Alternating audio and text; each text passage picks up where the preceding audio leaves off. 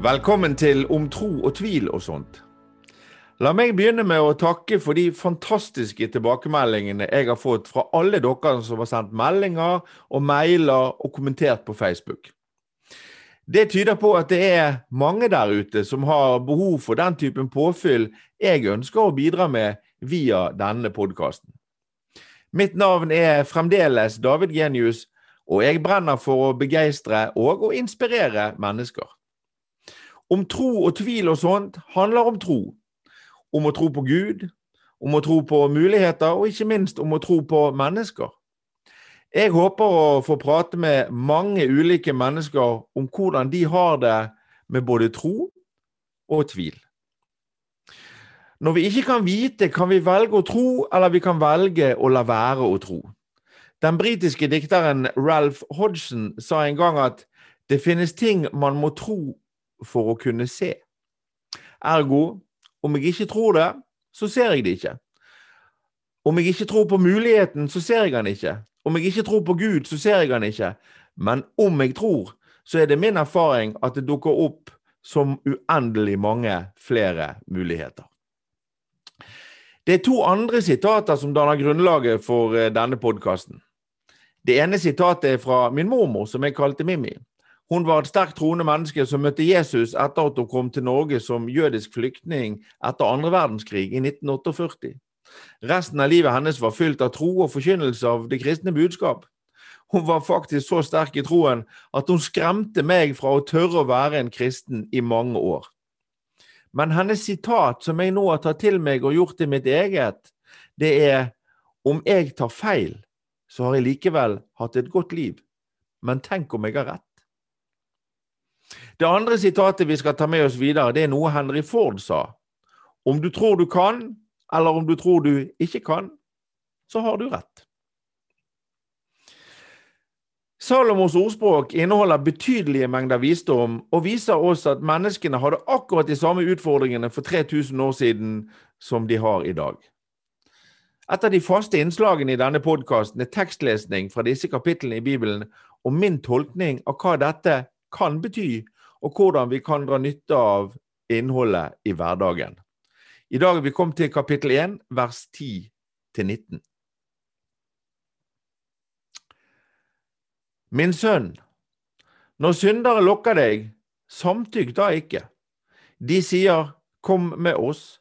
Vi vil lure etter blod, sette feller for de uskyldige uten grunn. Vi vil sluke dem levende som dødsrike, helt og holdent, like som det sluker dem som farer ned i graven. All slags kostbart gods vil vi finne, fylle våre hus med rov. Du skal få kaste lodd med oss om dette, vi skal alle ha samme pengepung. Min sønn, slå ikke følge med dem. Hold din fot borte fra deres sti, for deres føtter løper i hast til det onde, og de er snare til å utøse blod. Til ingen nytte blir nettet utspent mens alle fuglene ser det. Men disse lurer etter sitt eget blod, de setter feller for seg selv. Slik går det hver den som søker urettferdig vinning, den tar livet av sine egne herrer. Det er et uttrykk på nynorsk eller på engelsk There is no such thing as a free lunch. Disse versene er formulert noe mer brutalt enn at de bare handler om lunsj, men de er skrevet i en tid av vold var mye mer hverdagslig og vanlig enn det for oss i dagens samfunn, i hvert fall her som vi bor i fredelige Norge. Men de handler egentlig om den samme mekanismen. Disse versene peker på fristelsene vi stadig vekk utsettes for ved å oppnå mye uten å yte, ved å ta snarveier, ved å bryte regler og ved å forsyne oss av ting som ikke er våre. Vi utsettes stadig for muligheter til å bryte regler for å oppnå fordeler. Slik går det med den som søker urettferdig vinning, den tar livet av sine egne herrer, står det. Dette kan eh, f.eks. handle om samvittighet. Om bare du vet at du har gjort noe galt, så er det en til som vet, nemlig Gud. Gud ser oss uansett hvem eller hvor vi er, og Gud har utstyrt oss med vår egen frie vilje. Og Gjennom hele Bibelen oppfordres vi om å ta de riktige valgene, riktige i forhold til oss sjøl, til våre medmennesker og til Gud. ikke hør på de som lokker. Lytt ikke til de som lokker. Om det er tankene dine eller mennesker rundt deg eller ideer du fanger opp via andre kanaler, fristelsene, de finner vi overalt. Tenk gjennom hva som faktisk er det rette å gjøre, og styr dine handlinger ut fra det. Og da er det på tide å ta en prat med denne ukens gjest.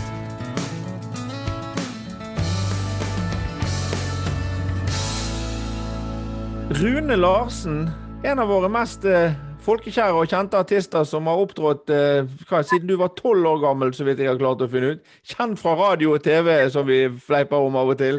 En person mange vet hvem er, og gjerne også har en mening om. Men om du skal beskrive deg sjøl, Rune, hvem er Rune Larsen? Jeg er en eh, gutt fra høyden, eller fra Sandvik-siden, som vokste opp i et arbeiderhjem med verdier som eh, arbeiderbevegelsen tok med seg. Og eh, vi hadde mye sang og musikk i hjemmet. Og, og eh, de idealene som jeg fikk hjemmefra fra mine foreldre, de har nok vært den viktigste delen av min eh, livsvisdom. I den grad jeg har noen. Så, så jeg, jeg, vil påstå at, eh, at eh, jeg har vært usedvanlig heldig med valg av foreldre. Ja, og det er jo en av de tingene vi si, ikke kan gjøre noe med, men uh, for, må forholde oss til. Men det er jo bra at det gikk sånn, da. Men på si, kristen tro var ikke en del av dette arbeiderhjemmet. Det var noe du fant på på egen hånd, hadde jeg nær sagt? Nei da, vi, vi, gikk alle i kirken hjemme hos oss, ikke engang på julaften. Min farfar var kommunist og mente at kirken sto på den gale siden i Klassekampen. Så det var klassesvik, det å gå i kirke. Så, og jeg skjønner han på en måte. Eh, så eh, idealet fra arbeiderbevegelsen med solidariteten, den, eh, den, tok jeg med meg. Men, men jeg hadde allikevel en, en, fascinasjon til personen Jesus. Mm. Jeg trodde ikke han var Guds sønn eller sto for de døde, og gikk på vann og sånt. Det opplevde jeg som myter eller overtro. Men, men, men personen Jesus som hadde omsorg for de som falt utenfor, for de spedalske, for de fattige, Eh, som gjorde eh, som hadde de eh, mektige samfunnet som sine motstandere, det har alltid fascinert meg. Men jeg mente Kirken hadde gjort den til noe annet enn det han egentlig var. Så jeg var ikke noe, var ikke noe troende i den forstand den gangen. Ja, og Hva skjedde da? Møtte du lyset, hadde jeg nær sagt, eller kom dette sånn gradvis av seg sjøl? Det, det, er jo mange forskjellige tilnærminger til dette. Jeg er jo en av de som har på å si, hva skal du si, tenkt og opplevd meg sjøl frem til at jeg fant ut at jeg var en kristen. Jeg har aldri hatt det, det store lysende øyeblikket. Men, men, hvordan var det med deg? Nei, jeg hadde heller ikke Jeg ble ikke frelst på et møte eller noe sånt. Jeg, gikk jo aldri på møter heller. Så, så, eh, for meg handlet det om at uh, jeg var jo politisk aktiv på 60-tallet og i demonstrasjonstog mot Vietnamkrigen og, og Sovjets eh, voldtekt av Tsjekkoslovakia. Så jeg var veldig aktiv politisk. Og når jeg da hørte at kardinal Spellmann, altså den katolske kardinal Spellmann, kalte, sine, eh, kalte de amerikanske soldatene i Vietnam for Jesu Kristi soldater, så eh, hadde jeg bare en vemmelse. Og da bestemte for at jeg ville bli aktiv innenfor den eh, fredsbevegelsen som tross alt var en del her i Bergen. Nektet militæret og, og Men så begynte jeg å lese om mitt store ideal på den tiden, Mahatma Gandhi. Og en bok av Arne Næss og Johan Galtung som het 'Gandhis politiske etikk', eh, var eh, pensumet mitt i et år. Og jeg leste og leste om, om Satyagra, altså normsystemet til Gandhi, og Ahimsa, som er det indiske navnet på ikke-vold. Og jeg ble så fascinert. Dette var mannen som jeg kunne følge, liksom Gandhi. Men så opplevde jeg at Gandhi sa at, at, han aldri gikk et steg uten at Jesus gikk med han. Og Det stemte dårlig med, med mitt bilde av både Gandhi og Jesus.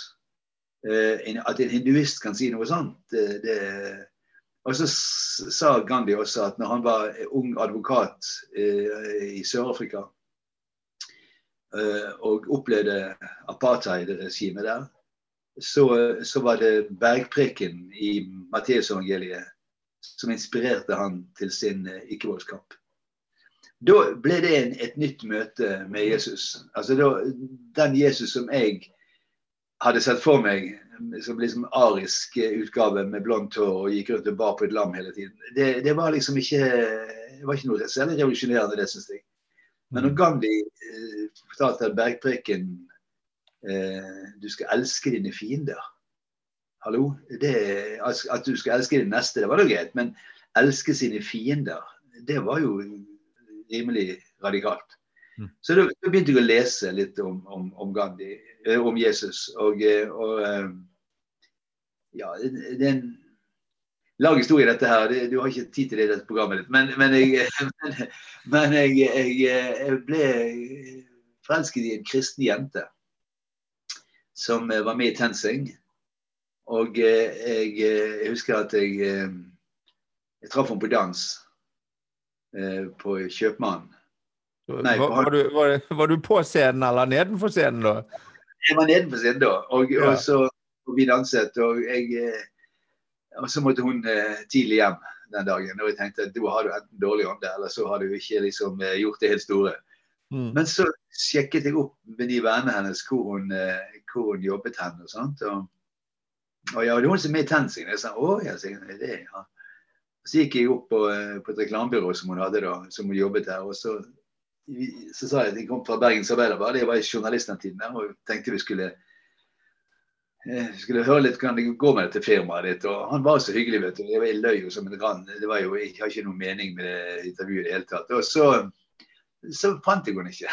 Så var det så, så jeg, er, det, er det noen eh, mange ansatte her? Ja, det er en ansatt. Men akkurat i går så var det en som, som, som sluttet. Og så viste jeg sikkert at det var denne jenten, da. Og så fikk jeg vite at, eh, at hun var med i TenSing, og at de skulle ha et, eh, en konsert i Forum kino samme kveld. Og så ringte jeg til eh, redaktøren min og sa de at jeg dekker det der. Det der jeg dekker det. Og mm. han var overrasket over at jeg ville dekke et kristent altså Det var ikke kristent Jo, det var det, forresten. Det var et kristent arrangement.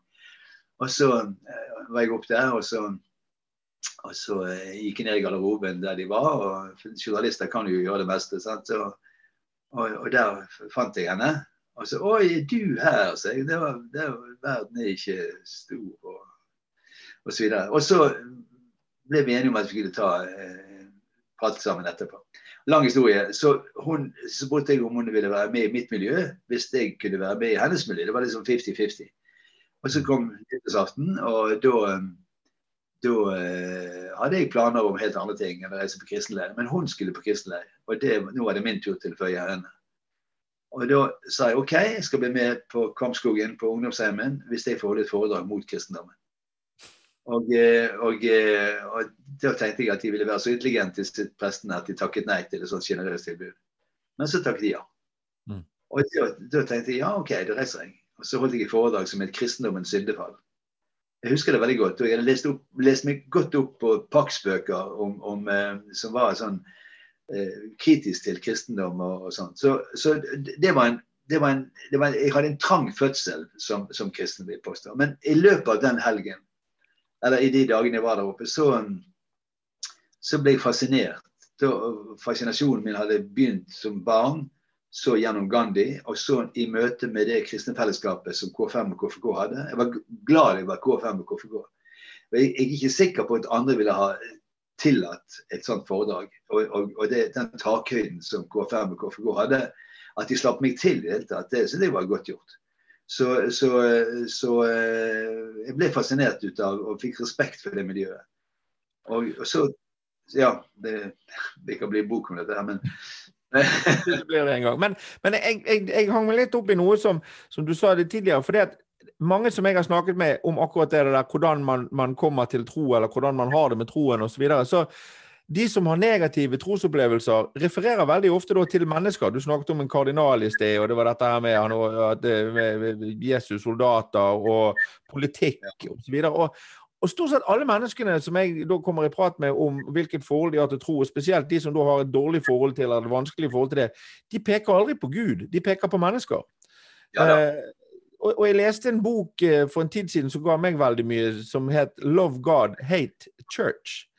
Eh, og, og, og, den handler om akkurat det der med at det går så mange mennesker rundt med pekefingeren først og slår deg i hodet og er liksom, skremmer deg vekk ifra. Mens de som til slutt havner eh, i et sted i livet der de, de tror, de gjør det fordi at de får en kontakt direkte med Gud. Ikke med, ikke med en kirke eller en menighet, eller noe sånt, men faktisk du får en kontakt med Gud. Så.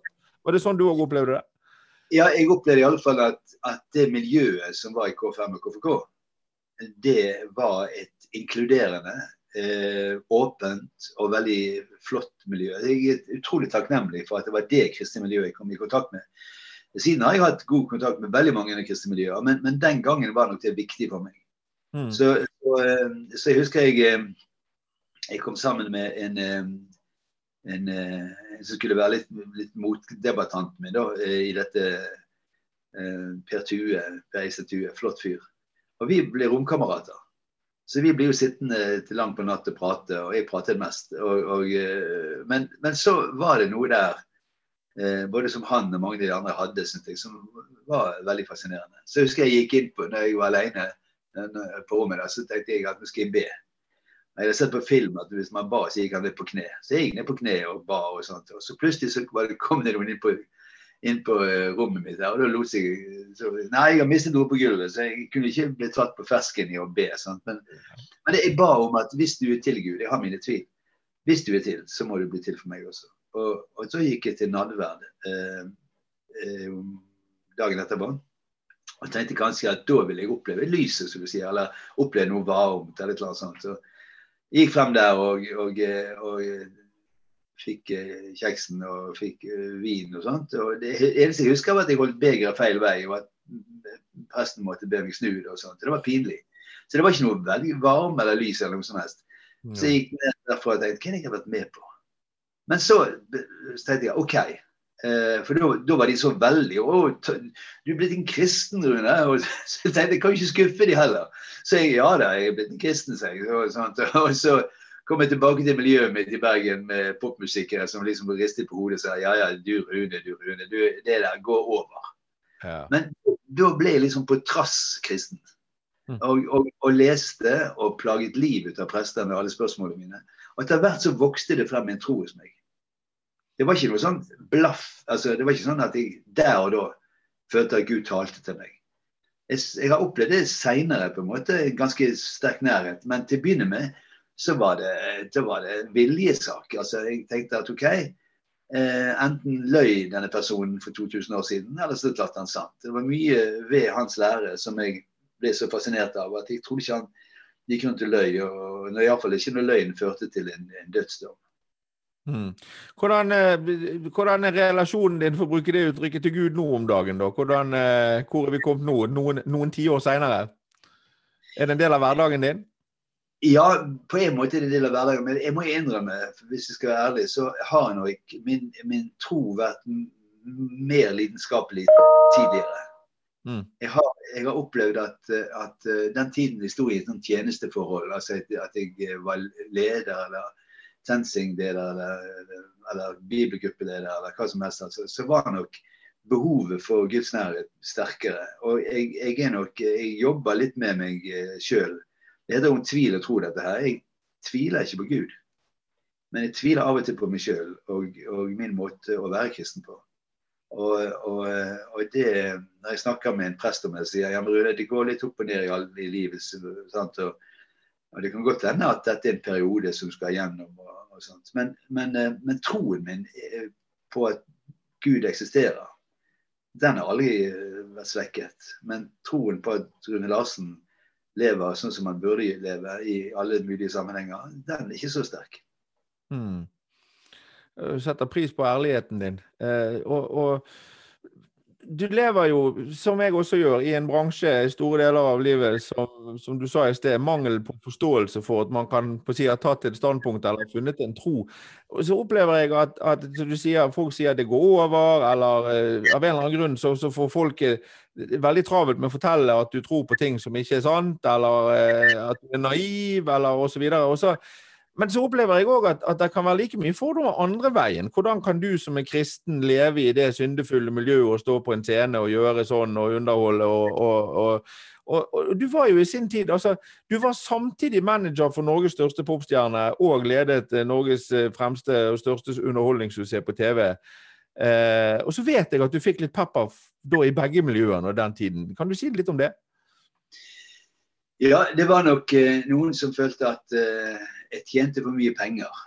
Altså, for det er klart at eh, å ha Sissel Kyrkjebø som artist i stallen, og hun solgte ja, til sammen nesten en million plater, eh, det, det blir det penger ut av. Mm. Og, og, eh, og, og, jeg husker det var en, en journalist som skrev om at, uh, at uh, etter med Lollipop og med Karlin Krieger og, og To Andresen og alt mulig sånt, som alle som jeg var i nærheten av, gjorde det rimelig bra. Og Da skrev han at uh, det alt, altså, kong Krøsus, han, kong Midas, mener jeg, han, alt han tok i ble til gull. Kong Midas hadde bedt om at, at, at, han, at han, alt han tok i skulle bli til gull. Og han ble bønnhørt, forferdelig nok. Og jeg tenker at gull er en kald ting. Altså, og hvis det er det som er mitt, blir mitt ettermæle, at alt jeg tar i blir til gull, så tenker jeg på han jeg tror på, alt han tok i ble til liv. Alt han, alle menneskene Jesus kom i kontakt med, de, de fikk et liv og, og, og, så begynte jeg å se at jeg, at eh, jeg, var så opptatt av plateselskapet mitt og managementet mitt at jeg har ikke tid til vennene mine. Ikke, de gikk utover familien min og alt mulig. Og da tok jeg en sånn beslutning om at nei, jeg vil ikke mer det. Det er ikke det jeg kommer til å tenke på når jeg blir gammel, at hvor mye jeg tjente eller noe sånt. Så da var det et radikalt oppbrudd. Mm. Der jeg eh, sa opp eh, kontrakten både med Karoline og Sissel. og, og overlatt, overlatt, mye av, av platesalget på Lollipop til et annet selskap osv. Men jeg, jeg, var, jeg ble fri. ja, Men hadde du Hvordan sånn til si, inspirasjon for andre, hadde jeg nær sagt. Det må jo ha vært en veldig veldig vanskelig situasjon å være i. sånn, altså det, det, å ta de store livsbeslutningene. Hvordan gjør du da? Går du, går, går du ned på kne og, og, spør om råd, eller tar du en prat med Gud når du går ut og går en tur, eller du, føler du at du får støtte i troen din når du står i sånne vanskelige beslutningsprosesser? Jeg tror nok det var veldig viktig for meg akkurat da at jeg hadde det kristne livssynet. At jeg, at jeg spurte meg selv hva er det hva er livets mening? Hva er, det, hva er det verdifulle i livet mitt? Og da fant jeg ut at det å tjene penger var ikke det mest verdifulle. Uh, så, så uh, jeg fikk en del henvendelser fra Oslo som sa du må jo være gal som, som uh, gir slipp på gullkalven, og, og, eller på gullgåsen. De sa ikke kalven. Men, men du kan jo bare overlate til andre, du kan eie det sjøl. Men jeg visste at hvis jeg hadde gjort det, så hadde jeg fremdeles vært opptatt av det. Jeg hadde ikke klart å legge det fra meg. Så det måtte bli et, et, et final cut, clean cut. Og, og det handlet ikke så mye om, om, om, om annet enn at de verdiene som jeg hadde, Eh, de, eh, de, var nok til å bygge livet mitt på. Og jeg behøvde ikke det andre. Så, så, men for all del, altså. Jeg, jeg, jeg, skal jo tjene penger. Alle mennesker tjener penger for livets opphold, og det har jeg som jeg klarer meg. Ja, for det, det, er jo den andre typen tro som vi også snakker om her. Det er jo det at du har jo da i Når var du sluttet som journalist? Var det på slutten, begynnelsen av 80-tallet? noe? Så har du jo skapt ditt eget levebrød hele tiden etterpå. Sant? Det betyr jo at du har du har hatt tro på både muligheter og ferdigheter, og du har lett etter ting å tro på i, på si, i, hverdagen som du har trodd kunne gi deg en mulighet til å skape et levebrød. sant? Hva, hva mekanismer ja, bruker du der, Rune? Altså, Jeg er jo i utgangspunktet en veldig eh, pessimistisk eh, type. Altså, jeg, jeg, tror nok jeg ble opplevd som optimistisk, fordi jeg prøver å være det. Men, men jeg, jeg, tar ingen sjanser. Jeg, jeg, eh, sikrer meg alltid. Jeg har alltid en, en, en, en eh, alternativ løsning hvis jeg står oppe i et, en, en, sammenheng. Så det å starte plateselskap i Bergen i 1981, det er blitt sett på som en risikosport. Mm. Og, og, de mente at da må de iallfall reise til Oslo, der det skjer. Der det er tett opp til NRK og tett opp til, til, de som er med på å prege, prege mediebildet. Men jeg tenkte nei, vi gjør det i Bergen. Vi ikke flytter fra Bergen for all del. Jeg har tro på Bergen, for å si det sånn. Men, mm. men men det var et, det var et trosprosjekt. Altså, det var det å slutte som journalist. Eh, min kone den gangen hun sluttet som, som sykepleier. Og vi startet opp med, med, med, med NOAH. Og Vi kalte det NOAH fordi at i NOAHs ark var det veldig mange forskjellige dyr. I vårt selskap skulle det også være mange forskjellige artister, tenkte vi. liksom. Så, så det, var, det, var, et trosprosjekt. Men ellers så har jeg vært uh, De gangene jeg har satset, så er det fordi jeg har tro på det. Uh, når jeg ikke har tro på det, så, så, kan ikke noen overtale meg til å gå i gang med ting. Fordi at jeg må, jeg må, jeg må være i det med hele meg for at skal, for at jeg skal kunne gjøre en god jobb. Ja, jeg opplever jo at, at uh, som, som, produsent, da, for å si det på den måten, så opplever jeg at en av de, du er en av de som jeg jobber med som er flinkest til å stille oppfølgingsspørsmål og kontrollere at ting er greit før vi faktisk kommer dit hen at vi skal levere noe. Sant? Så det uh, er kanskje den pessimisten som du snakker om, som bare sjekker at det er i orden, liksom, før vi starter. Det gjør jeg veldig mye, og jeg er sikkert en, en, en, en pest og en plage hvis det skal være For jeg liker, jeg liker helst å gjøre det sjøl. Jeg liker ja, helst å kontroll på det sjøl. Så det, at, eh, det å overlate ting til andre, det har jeg litt, av og til litt problemer med. Ja, Den er, den er litt spennende. for det, det som gjorde at jeg til slutt si, ble overbevist om å, en, en, om å tro på Gud, og, og, så, når jeg så den røde tråden som hva Gud har gjort i mitt liv, det var jo faktisk eh, i, i, i Fader vår så er det setningen 'Gi oss i dag vårt daglige brød'. Så, og Når du googler det, så får du opp en masse setninger, masse bilder om brød. Mat. Det handler om det. Men, men, så hørte jeg en som sa det at det handler om gi oss i dag. Det brødet vi skal spise i dag. Ikke i går, ikke i morgen. Eh, og jeg lærte meg Jeg ber Fader vår hver morgen, og jeg lærte meg faktisk da å kunne legge ting på Gud, for å bruke det uttrykket, som jeg ikke kan gjøre noe med nå. Og Jeg er også en sånn der manisk kontrollfrik til tider. Men så det å, det å kunne legge fra meg de tingene som jeg ikke kunne gjøre noe med, til noen eh, som ikke var her, men som, som, som da var Gud, det var et stort skritt for meg å ta. Hvordan, hvordan, har du det med sånne ting? Det kunne jeg sagt akkurat det samme. Det mm. kunne jeg sagt akkurat det samme. For det er klart at der har jeg vært mange ganger. At eh, jeg ser ingen annen utvei enn at Gud, dette, dette, dette, må du ta deg ut av. Her er jeg hjelpeløs. Her, det, her må du gripe inn. Og det har jeg opplevd at han har gjort også flere ganger. Og det, og det er jo den, den, nakne følelsen av hjelpeløshet, når det bare er du, og forhåpentligvis, som vi tror, Gud, at du kan legge noe fra deg. Det er jo en enorm Det er jo faktisk en styrke i livet å kunne ha det sånn, tenker jeg. Ja, det, det, det er det. Og, og, det har vært en sånn eh, det har vært fundament i livet mitt hele tiden. Eh, og, og eh, det er av og til noen som spør hva er ditt gudsbevis? Det er liksom, De vil gjerne vite hva som er gudsbeviset. Og, og da, da, har jeg tenkt at jeg tror det som fikk meg virkelig til å tro på, på det som står i Bibelen, det, det, det, var det jeg leste om Paulus. Altså Paulus, eller Saul som han het til å begynne med, han var jo en, en, en kan sammenlignes med en IS.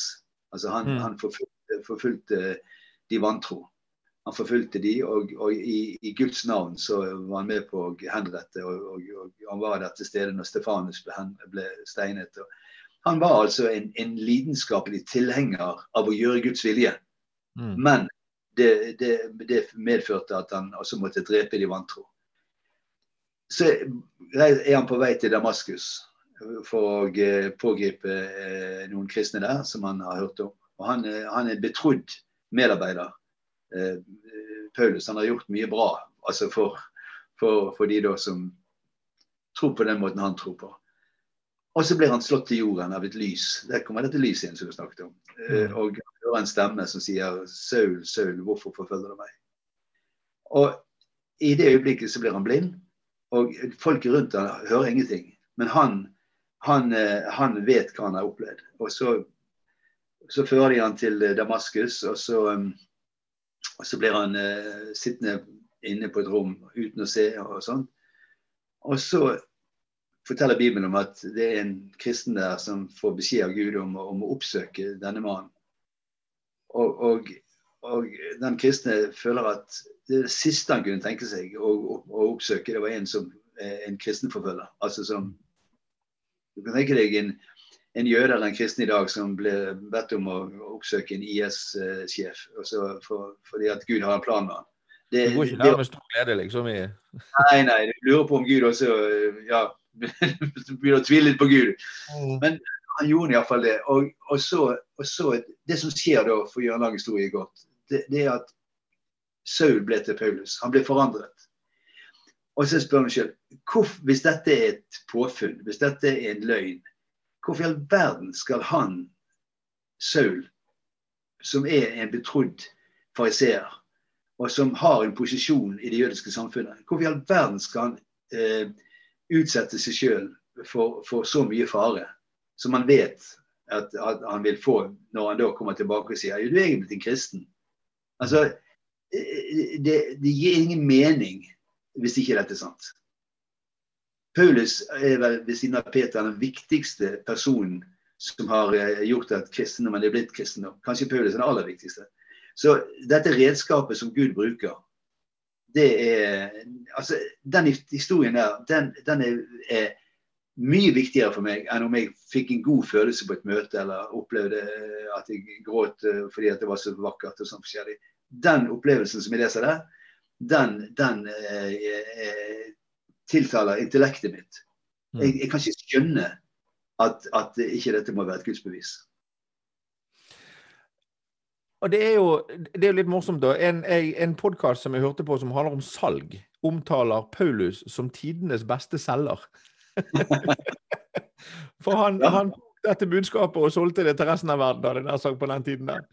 Uh, hvis, ikke, hvis ikke Paul hadde, hadde, kommet og tatt det oppgjøret med, med, med, med, Peter og de andre eh, i, i, Jerusalem, så hadde det blitt en liten jødisk sekt. Mm. Og, og, en slags messiansk uh, sekt på en eller annen måte. Men, men, det at Paulus sier nei, dette er ikke bare for jødene, dette er for hele verden. Og, og, og, og da, da og det, det er så sterkt at, at, Bibelen forteller oss om konfliktene. Var, men, I dag så tror vi at og det er så mange kristne som krangler seg imellom. Ja, de kranglet den gangen òg. Peter og Paulus var akkurat eh, bestevenner, på en måte. sant? Og Det er jo kjempeinteressant. for det, der, I apostlenes gjerninger så er det så mye dynamikk og så mange fortellinger om akkurat det der, og i brevene osv. Så sånn. Og jeg tror jo at hvis dette hadde vært en eller annen sånn der rosenrød fortelling som noen skulle prøve å selge inn til verden, som du satt hjemme på på gutterommet og diktet opp, så hadde aldri levd i 2000 år. Aldri i livet. Så det er altfor alt mye ekte her. Og det, det, det, som gjør at jeg, når jeg begynte å lese om dette her, Eh, jeg, jeg, var ute etter, etter å, å, lete etter eh, ting som motsier. Eh, der, ja, men, hva sa han på korset? Sa han at Fader, i dine hender overgir jeg men eller, eller sa han min far, min far, hvorfor har du forlatt meg? Altså, alle disse tingene. sant? Mm. Så var det Per Lønning som, som, som, sa en gang at det at det var så, såkalt motstridende ting i Bibelen, det var trosstyrken for han. Å ja, sier ja, da, vet jeg at disse menneskene har ikke redigert Bibelen etterpå. De har ikke plukket vekk sånne ting og sagt at nei, det passer ikke, det, det, det må vi stryke. De vitnesbyrdene fra Matteus, Markus, Lukas og Johannes de har fått stått der slik som de var skrevet til å begynne med. Og det, og det vi opplever som, som, motsetninger, eh, det behøver ikke være det. Men i alle fall, de har ikke tatt det vekk. De, de, de har forstått slik som det er. Og det, det mente Per Lønning var, var trosstyrkende for han. Mm. For meg. Ja, jeg eh, slutter meg helhjertet uh, til det. Absolutt.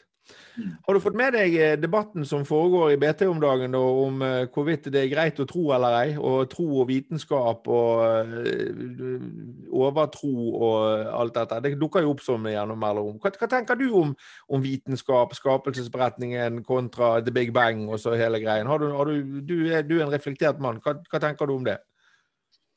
Det var, det, var et, eh, det var, et, eh, seminar i Trondheim på 70-tallet eh, der vitenskapsfolk, både kristne og ikke-kristne, som kom sammen. Og det ble gitt ut en bok som het 'Den som tenker må tro'. Og det, det var, Den var utrolig interessant, syns jeg. Fordi at, fordi at, det var eh, Ja, det var mange ting der. Jeg, jeg er ikke vitenskapsmann, så jeg skal ikke si det. Men jeg leste i alle fall om at, at det, det, er godt at folk kan snakke sammen uten å, og, uten å liksom grave seg ned i skyttergravene. Eh, det, det, vi i dag kaller vitenskap, ville man kanskje for 100 eh, år siden kalles, kalles tro. For har, i dag har vitenskapen eh, åpnet opp en del ting som vi trodde kanskje bare tilhørte troens verden. Og Det kan godt hende det fortsetter, men, men, bak det hele står det for meg en gud, en skaper, en, en, en som um, opprettholder dette universet. Og uh, jeg, ser på, jeg, ser på, skapelsen som uh, at kaoskreftene de gjør alt de kan for å ødelegge det Gud har skapt. Og så er det en kamp mellom kosmos og kaos. Og, og eh, i Gamle Testamentet der, der, blir Gud omtalt som allherrs Gud. Altså en, en, en Gud som kjemper mot, mot det onde. Eh, den hebraiske forståelsen ut av gudsbegrepet er annerledes enn den greske. greske der, der er det sånn at uh, Gud er Gud, og Gud uh, er, er, statisk. Mens, mens på, på hebraisk, iallfall i Gammeltestamentet, der er, der er Gud dynamisk. Han er i bevegelse. Han, han, han, opp, han kjemper og, og eh, noen ganger kan det virke, virke, som han taper noen slag, men han vil vinne det siste slag. Altså, det er en helt annen måte. Det var en teolog som skrev en bok om eh, vår, vår, greske kultur og vår jødiske arv, som påpekte språkene. Hvordan språkene i Det gamle testamentet og i Det nye testamentet på henholdsvis hebraisk og gresk gir en annen forståelse ut av hvem Gud er og det, det, leste jeg. og jeg synes det var så flott at, at uh, vitenskap For dette er jo språkforskere. sant? Mm. At vitenskap hjelper meg til å forstå eh, en, en, en, annen side av Bibelen som jeg ikke hadde sett. Så nå, nå har ikke jeg lest Bergens Tidende på uh, flere år. Jeg er jo gammel journalist i Bergens Tidende, så jeg vil skamme meg. Jeg har bare én avis for tiden, og det er Vårt Land. Ja. Så, så, jeg har ikke lest den debatten der. Men Det er litt spennende det, det som du sier om, om, om, at Gud kjemper mot det onde. For det, det tror jeg veldig mange mennesker, av, av de som er så si, opptatt av å overbevise oss om at vi tar feil, Eh, eh, han Stephen Fry, tror jeg, på det, han skuespilleren en gang som lanserte en monolog. Han snakket med Gud, og så sa han 'How dare you?' Og så fortalte han om alt det onde som foregikk i verden, og liksom hvordan Gud kunne tillate det. Men det er jo, der er jo noe der. Det er jo noe som heter ondskap òg. Der foregår jo en kamp mellom det gode og onde, både på utsiden og på innsiden. Vi mennesker også må jo velge hvilken vei vi ønsker å gå. Sant?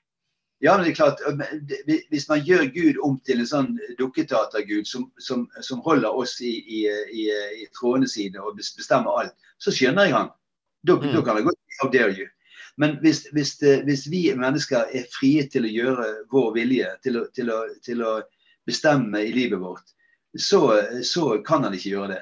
Da, da har Gud, gitt, da, Gud har gitt fra seg overherredømme og, og, gitt oss uh, muligheten til å bestemme hva som er rett og galt i vårt liv. Hele syndefallet er jo, er jo at, at um, eh, altså, vi, vi, har gjort av og til syndefallet med Adam og Eva til noe sånn seksuelt. At det var der dyden sprakk. Mm. Det er det som er syndefallet. Syndefallet er jo at, at vi vil bli som Gud. Eh, når, når, når, slangen eh, frister Eva og, og, og sier, han at, ha, sier han har Gud virkelig sagt? Genialt sagt av, av, av Guds motstander. Har Gud virkelig sagt? Det så han tvil om Gud. Sant? Og så mm, jeg tror ikke det er det han mener. Han mener bare det at når du, når du spiser frukten, så vil du bli som Gud og kan skille mellom godt og ondt. Det vil vi også. Vi vil bestemme dette her. sant? Og, og, og eh, istedenfor å gjøre Guds vilje, så vil vi gjøre vår vilje. Skje min vilje i himmelen og på jord. Det, og det, der, det, der, det er det som jeg tror er syndefallet. Ja, for det Gud har nemlig utstyrt oss med fri vilje til å, og ønsker at vi skal ta de rette valgene. Men, men, det er opp til hver og en av oss. Eh, håp er Unnskyld. Hva slags kjærlighet hvis du har, hvis du har en, en, en du, du, elsker, og, og, hun er bare programmert til å elske deg, eller, eller, eller eh, det er ikke hennes fri vilje at hun elsker deg engang. Hva slags kjærlighet er det? Hva er, hva er, hva er, Du kan like å kjøpe en robot. Mm. Det er jo selvfølgelig noen steder nå, forresten. Yeah. Men, men, men, men, det må jo være det må, Jeg må jo føle, og Gud må også føle, at vår kjærlighet til ham og til menneskene, det er, det er, det er ikke programmert. Nei, og, og, på den annen side, vi også, og både du og meg har jo da hatt en litt sånn lik reise i forhold til det. Vi har valgt å tro. Det er ikke noen ja. som har tvunget oss til det. Vi velger å tro, og det gir oss et godt liv òg, sånn som min gamle mormor sier. Tenk hvis jeg har rett. Sånn. Ja, ja. Jeg hadde Odd Gryte, husker du Odd Gryte? Ja, ja. Husker du Odd Gryte, ja. ja. han, han, han, var en om ikke god venn, så vi, vi, var, vi var, venner i alle fall. Og, og, han var artist, og jeg var kristen. Og han var en fantastisk flott mann. Utrolig fin mann. Han var en av de eneste i NRK som slapp til kristne artister på TV. Mm. Han hadde rausheten. sant? Ja. Og vi, vi, pratet alltid om det, så sa, han, så sa han alltid meg ja ja, vi får se når vi dør, Rune, hvem som har rett. han hadde en sånn holdning i det. Og jeg tenkte at, at uh, i mine programmer så tenkte jeg at da skal jeg også invitere folk i mine programmer som ikke er kristne, som har et annet ståsted enn meg her. For, for den rausheten som både Gryte viste, det, det har jeg alltid tenkt på han, han, han, var min, han var mitt ideal som programleder. For han fikk alltid gjestene sine til å føle seg vel. Og Det er den viktigste oppgaven for en programleder. At gjestene skal føle seg vel. Da får vi håpe at eh, du har følt deg vel også eh, her hos meg i dag, Rune. Og jeg også kommer til å invitere mennesker med i denne podkasten som har en annen tro enn, en både du og meg, nettopp fordi at vi skal prøve å ha litt, eh, litt spennvidde. Ja. Uh, og da tror jeg vi er kommet til veis ende for i dag, hvis ikke du har noe mer på hjertet som du har lyst til å dele med oss? Jeg vil bare si en ting når det gjelder tro. Mm. Jeg, det, norske ordet tro er så svakt i forhold til, f.eks. det engelske eller, eller hebraiske. Uh, vi tror jo uh, at det blir fint vær i morgen. Vi tror jo at Brann vinner serien. Det er mm. sterkt. sant? Men, men, men, det er jo ikke den troen som, som Bibelen snakker om. Hvis, det, hvis, du ber meg om å, å få låne 100 kroner av meg, sant? og sier du skal få det igjen i morgen, så tror jeg på at jeg får det av deg. For jeg kjenner deg såpass godt nå at det tror jeg på. Det, mm. det er den tilliten som tror. Det er ikke det at noen sier til meg ja, men vi kan ikke vite, vi må jo bare tro. Ja, Det er ikke det den troen snakker om. Det er tilliten. Jeg tror på deg. Det er så, så det, godt sagt. Det er så godt sagt. For på engelsk er det nemlig to ord det ene er 'believe', og det andre er 'faith'. Og Det er to vidt forskjellige ord. Og på norsk har du bare tro. sant? Ja, til og med ett ord. 'Think'. Ja, think, ja, sant? Ja, I think. Ja, der du tredje. Vi har bare ett ord for de tre ja. ordene. Det er helt rett. Og det er tre vidt forskjellige ord. Åh, oh, dette det, var en fantastisk god prat. Det tviler vi ikke på. Nei. Veldig bra. Ha en ja. Eh, strålende dag, min venn, så snakkes vi plutselig. sant? Gjør det. Ha det godt. Takk for at du var med. I fjerde Mosebok kapittel seks står det hvordan menneskene skal velsignes. Å motta ønske om Guds velsignelse synes jeg er noe av det fineste jeg kan oppleve som en kristen. Derfor er det mitt ønske å alltid avslutte disse programmene med å lyse velsignelsen over deg som har fulgt oss gjennom dette programmet. Og i Mimmis ånd, hun mente alltid at der troende mennesker samles, der bør en avslutte med å lyse velsignelsen. Så vi er altså kommet til veis ende. Takk til Rune Larsen som stilte opp og var gjest i dag. Takk til min sønn og nærmeste medarbeider John Edvard, populært kalt Lillemann, som produserer og har regi på disse sendingene. Og takk til deg som tar deg tid til å lytte til denne podkasten. Om du har innspill eller kommentarer, så ta gjerne kontakt med meg ved å sende en e-post til davidalfakrøllgenius.no. Om du er interessert i mer påfyll, så kan du søke min webside davidgenius.no eller www.david.genius.no. Der kan du eh, både abonnere på nyhetsbrev og laste ned min gratis e-bok 'Vil du ha bedre dager'. Vi er tilbake neste uke, og da skal vi snakke med en kar som heter Egil Herman Sjursen. Og i mellomtiden så ønsker jeg deg både gode dager og lyser Herrens velsignelse. Herren velsigne deg og bevare deg. Herren la sitt ansikt lyse over deg og være deg nådig. Herren løfte sitt åsyn på deg og gi deg fred.